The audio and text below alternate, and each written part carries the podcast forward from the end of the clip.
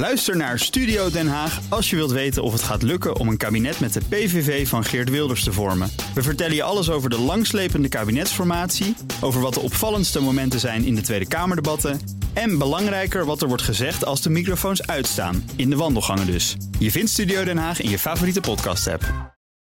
Uh, aangeschoven is ook uh, Geert-Jan Haan, uh, Europa-verslaggever.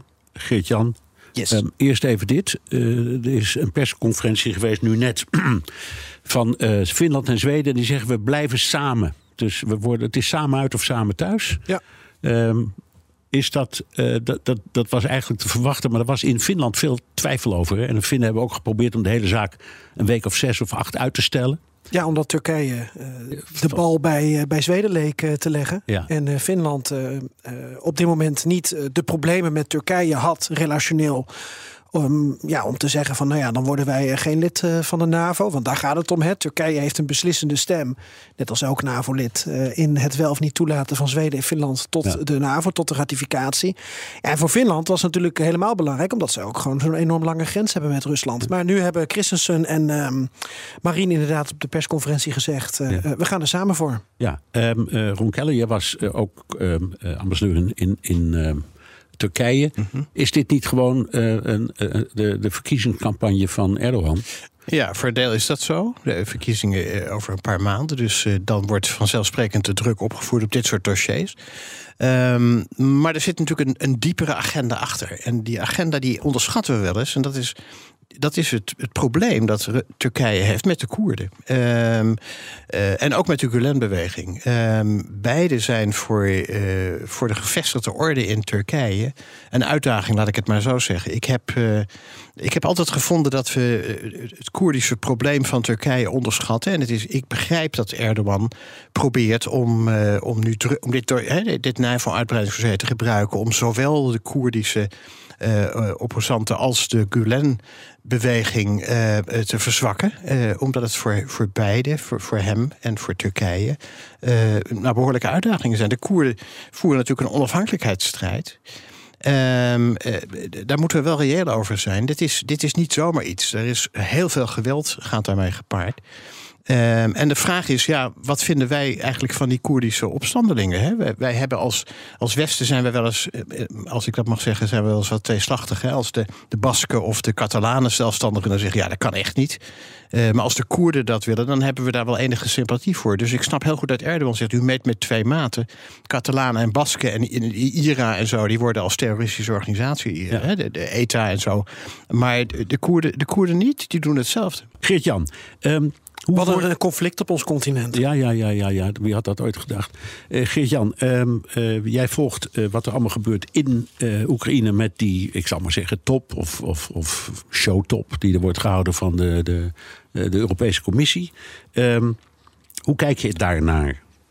Ik zie het niet als een showtop.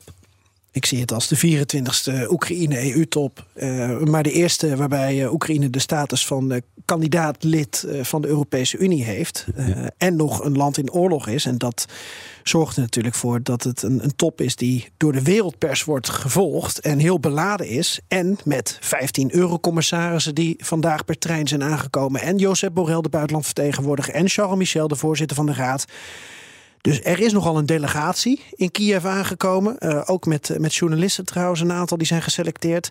En ja, uh, met zoveel mensen had je misschien niet hoeven te komen. Dan kun je zeggen dat is meer voor ja, maar ik de bühne woord, en de symboliek. Ik gebruik het woord show omdat uh, de, de New York Times en The Guardian allebei zeiden... het is, um, nou ja, het is ook een beetje voor de bühne, dit hele gedoe. Maar nou, vind ik niet. Nee, maar okay. ik schrijf ook niet voor de Guardian of voor de New York nee, Times. Maar wel voor BNN Nieuwsradio, zo is het.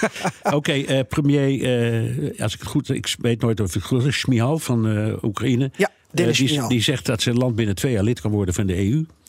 Um, houdt hij zijn eigen volk daar niet een, een, enorme worst mee voor? Want de meeste woordvoerders van de EU zeggen, inclusief bijvoorbeeld Rutte... dat, dat kan niet hoor, binnen twee jaar. Ja en nee. Um, uh, het, is, het is zoals eigenlijk alles in, um, in deze oorlog en ook alles in de relatie tussen de EU en Oekraïne, is het niet zwart-wit. Kijk, Oekraïners zijn ongeduldig. Uh, hebben ze altijd al in het karakter gehad, uh, grosso modo. Ze kunnen een grote mond hebben, ze kunnen zeggen wat ze willen. Ze zullen ook niet genoegen willen nemen met het antwoord dat inderdaad uh, niet tijdens deze showtop zal komen. Uh, namelijk, er zal niks worden gezegd over jullie worden binnen twee jaar lid. Maar er zal ook dus niet worden gezegd, het gaat nog decennia lang duren. Wat er gebeurt is, op dit moment ligt niet meer op tafel of Oekraïne lid van de EU wordt. Dat heeft uh, von der Leyen een uurtje geleden in de persconferentie ook gezegd in Kiev. Maar wanneer Oekraïne lid wordt. Kijk, en als de Oekraïners nu um, met brood en zout deze eurocommissarissen hebben ontvangen in Kiev, iets waar Poetin een jaar geleden op had gehoopt, um, dan zou je kunnen zeggen: ja, die Oekraïners die hebben nu allemaal het verwachtingspatroon dat ze binnen twee jaar lid worden van de EU. Nou, dat gaat niet gebeuren. Maar wat ze heel slim doen is, uh, Schmihal en Zelensky, die zetten zo ongelooflijk hoog in. Die zetten dus twee jaar in voor een lidmaatschap tegenover die decennia die Emmanuel Macron beloofde. Ja, dan kan de EU en dan kunnen de lidstaten onder die enorme lobby, onder die enorme PR-campagne en uh, de gunfactor die Oekraïne heeft, kunnen ze bijna niet meer zeggen: oké, het gaat inderdaad nog decennia duren. Dus dan wordt er weer een geitenpaadje gevonden om het hele proces toch misschien toch te versnellen. En dat is volgens mij wat er speelt. Denk je ook, Ron Keller, datzelfde? Um, en is het slim dat ze dit doen in, in Kiev om te beginnen? En, en zie je ook de tactiek die Geert-Jan hier beschrijft. Ja, ik snap, ik snap vanzelfsprekend. Ik, begrijp, ik, ik noemde al eerder dat toen ik er ambassadeur was... dat mijn NAVO-lidmaatschap niet hoog op de agenda staan. Wel EU-lidmaatschap. Ja. Dat was een bijna consensus over. Dus de uh, Oekraïners zullen dit al heel erg lang. Wij houden dat, uh, houden dat af. We hadden dat proces veel eerder moeten starten. Maar dat is nu, dat is voor historici, dat is, dat is nu niet relevant. Op dit moment, ik ben het met Gertjan grotendeels eens. Dit is een, een, een, een hele belangrijke top ook weer. Een hele bijzondere bijzondere top. En, en het, is, het is er één in een reeks en het is er één in een heel ander daglicht dan een jaar geleden. Dus dit, uh, dit, dit is een proces dat in gang is gezet. Maar dat proces, daar moeten we realistisch over zijn. Ik vind het niet verstandig om te zeggen dat gaat nog decennia duren. Want je wilt de Oekraïners niet uh, ontmoedigen. Je wil nee. ook de hervormingsgezinde krachten. Want besef wel, het gaat niet even een paar corrupte uh, politici eruit gooien. Oekraïne moet een, een, verticale bestuurscultuur. Eigenlijk dezelfde die Rusland heeft. En heel veel andere landen op deze aarde moeten een verticale bestuurscultuur veranderen in een horizontale. Dat ja. is de uitdaging waar men voor staat. Ja. Dus men wil die hervormingsgezinde krachten moeten een stimulans krijgen. Een worstje noemde het al, moeten een, een prikkel krijgen om te hervormen. En, en als je dan, en als je dan um op een bepaald moment sneller dan je dacht constateert dat, dat Turkije best voldoet aan die zogenaamde uh, criteria van Kopenhagen. Ja. Hè? Kun je dan zeggen, nou dan kunnen we ook met de procedure wel een beetje versnellen. Dan hebben ze het ook verdiend. Over Turkije hebben ja, we het nu weer over. Ja, nee, nou, nee, nee, sorry, over, uh, over Oekraïne. Over, ik, ik, ik versprak me. Als men zegt, nou ja, dat is een Freudiaans bijna. Hè, want ja. Turkije zit een beetje... Ja, die zit zelf voor. Ja. Maar als het zo is dat de Oekraïne niet levert op, als het gaat om hervormingen... dan denk ik dat het verstandig is en voor Oekraïne en voor de Europese Unie dat het proces langer gaat duren. Dat, nee, Oekraïne moet het wel zelf verdienen. Moet daar wel bij wel alle steun krijgen. Moet daar ook alle, uh, uh, alle aanmoediging krijgen. Moet alle, alle financiële en morele steun, technische steun krijgen om het te doen. Maar er moet echt een vastgehouden wil gaan komen ja. in Oekraïne om te gaan hervormen. Ja. Ik denk dat je één ding niet moet vergeten. Dat is, we hebben natuurlijk de Kopenhagen-criteria. We hebben de procedures. Maar je hebt ook uh, te maken met landen, uh, ook op de Balkan, die uh, lid willen worden van de Europese Unie. En waar timing ook belangrijk is. Volgens mij zijn de meeste Europese leiders het eens over het feit dat men wil dat Russische en Chinese en misschien ook Amerikaanse invloed op het Europese continent wat afneemt. Dat je je daartegen wapent. Wat zie je in landen op de Balkan? Die is ook zo lang zo'n worst voorgehouden.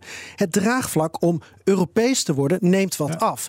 En ik sprak gisteren een bestuurs bestuurslid van de Raad van Bestuur van Naftogaz. Dat is een jonge vrouw, uh, voormalig staatssecretaris ook van Europese integratie.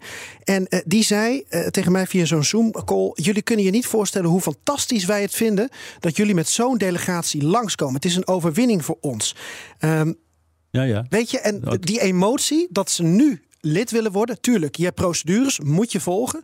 Maar timing is ook heel belangrijk. Je moet niet het draagvlak verliezen. Nog even, want we, we gaan snel door de tijd. Geert-Jan, die, die, die, die top die is nog, die gaat ook nog door. Waar, waar ga jij de komende dagen of vandaag, morgen het meest op letten? Nou, de uitspraken van, van von der Leyen en Michel en ook Zelensky. Want ik ben heel benieuwd. Heel veel van dit soort toppen zijn natuurlijk van tevoren al bedacht.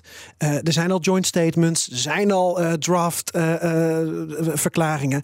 De vraag is: gaat uh, Zelensky, von der Leyen en Michel nog met weer iets ongeëvenaards verrassen op zo'n persconferentie? Of gaat von der Leyen toch weer uh, uh, iets te hard en met gestrekt been in, waar de andere EU-leiders van zeggen: van ja, mevrouw von der Leyen had dat nou niet gezegd, die belofte kunnen we niet waarmaken. Dus ik denk, wie zoekt een beetje de grens op? Ja, uh, kijk jij daar ook zo naar? Ja, ik, ik kijk daar ook zo naar. Het is een, het is een proces dat, dat voortgang moet vinden. Het, het gaat niet om procedures. Hè. Het, gaat om, het gaat om dat Oekraïne echt ook uh, zeg maar dezelfde taal gaat spreken als de Europese Unie. Je, als je een basketballer lid van een voetbalclub wil maken, dat kan. Ja. Moet hij wel toch echt de voetbalregels uh, in zijn benen krijgen. Ja, ja, ja, en hij moet ook weten hoe je met de bal omgaat. Exact. Dat is ook nog zoiets. Precies, Niet alleen de nee, regels. dat kost dus tijd. Ja. we hebben het gehad over dit strijdgebied. We hebben het gehad over Turkije. We hebben het niet gehad over het andere land waar jij hebt gezeten en veel van weet, China. Daar horen we eigenlijk heel weinig van. Um, we krijgen soms de indruk dat China er een beetje mee in de maag zit. Maar dan hoor je tegelijkertijd weer dat het bondgenootschap met Rusland wordt verstevigd. Um, hoe moeten we hier naar kijken? De, de Chinezen zitten hier overduidelijk mee in hun maag. Dit, is, dit komt ze politiek en economisch helemaal niet uit. Uh, uh, hogere olieprijzen, energieprijzen, hogere importkosten voor, voor voedsel, voor energie. Uh, veel van hun tweede zijderoute, hè, Belt and Road projecten die door Oost-Europa gaan, die in stukken zijn geschoten. Nee, dit is voor China. Het geeft extra spanningen tussen de, tussen de VS en het Westen met China. Nee, hier zit China niet op te wachten. Als je goed kijkt naar de Chinese verklaringen de afgelopen jaar, dan zie je dat men steeds meer afstand begint te nemen. Hè. In de top in, in, in, in Oezbekistan een, een half jaar geleden, de G20 was een nog veel duidelijkere uiting van een, van een, van een Chinese kritische houding naar Poetin toe. Uh, dus ik denk dat wat dat betreft. Nou, ik, toen, ging, toen ging, meen ik, uh, Xi, die ging eerst naar Kazachstan om te, om te zeggen dat dat land niet ingelijfd mocht worden. Dat moest onafhankelijk ja, blijven. Ja. En toen, ik toen dacht, dat is een signaal aan Poetin ja. van je moet met die expansiepolitiek uitkijken, exact. want ook wij nemen niet alles. Zo is dat. China heeft daar 300 jaar hele slechte ervaringen mee als het gaat om Ruslandse expansie hè, naar het oosten toe. Ja. Dus nee, dat, dat is, dat, China is, er gebeurt van alles. Hè. China heeft natuurlijk nu die lockdown losgelaten. Dus de Chinese economie is, begint weer wat op gang te komen. Dat is goed voor de wereldeconomie, is goed voor de Chinezen ook. Uh, en je hoopt dat daarmee ook zeg maar, de, het, gevangen, het, het gevangen zijn van 1,4 miljard mensen stopt. Hè. Dus wat dat betreft is, gaat China gelukkig een beetje de goede kant op. Ja. Maar mag ik één ding vragen bij Nut Ron? Ja, zeker. Want waarom lukt het als China hier zo mee in de maag zit? Waarom lukt het Zelensky dan niet om toenadering tot China te zoeken? Of nou, te zoeken, dat doet hij enorm. Maar hij krijgt helemaal ja. geen contact met de Chinezen. Dat ja. vind ik dan bijzonder. Nou, dat komt doordat de Chinezen 4000 jaar zich nooit met internationale be zaken be be bemoeid hebben. Uh, door hun exportgeleide model de afgelopen 30 jaar op het wereldtoneel zijn gekomen. Maar eigenlijk tegen wil en dank. Niet om geopolitiek te bedrijven, maar om geld te verdienen. En uh, ik denk dat China zich niet in, in een of de andere kamp wil laten trekken. Nee. Um, tegelijkertijd uh, zeggen we, hoor je in het Westen steeds zeggen... eigenlijk is er wel enige waardering voor de manier waarop de Chinezen het doen. Om, omdat ze aan de ene kant zeggen... ja, we, we, we, steunen Rusland wel in de opvatting over de NAVO... maar we zijn tegen het bezetten van een onafhankelijk land. Hè? Ja. Dat zeggen ze steeds Klopt. maar. Ja. Alleen, wat moet je daar nu mee? Kan uh, iemand als Biden of, of, of, iemand als van der Leyen... of de, de, de EU als geheel of de NAVO als geheel... kunnen we daar iets mee? Ja, daar kunnen we heel veel mee. Je hebt landen nodig die, zeg maar, die geen partij hebben gekozen. Ik heb dat volgens mij in deze tafels eerder gemeld. Je hebt landen nodig die, die een bemiddelende rol kunnen spelen op het moment dat het nu nog niet, maar op het moment dat er een vredesakkoord bereikt gaat worden, heb je krachten nodig die ook richting Poetin zeggen: nu, nu tekenen op, het, uh, op de dotted line. Hè? Niet alleen China hoor, dat zijn ook landen, als je noemt al Kazachstan, maar ook India, andere landen. Eigenlijk zijn er heel veel landen die zeggen: deze oorlog moet stoppen, dit is slecht voor ons. Hè? Je zal maar in Afrika uh, op dit moment uh, die hoge voedselprijzen voor je kiezen krijgen, hè? of, niet, of niet voor je kiezen krijgen. Dus nee, dit is, dit is voor veel landen een onzalige oorlog. Ja. ja. Oké, okay, dat is een mooi punt om denkend afscheid te nemen van Geert-Jan Haan en van Ron Keller, voormalig ambassadeur in Rusland, Oekraïne, Turkije en China.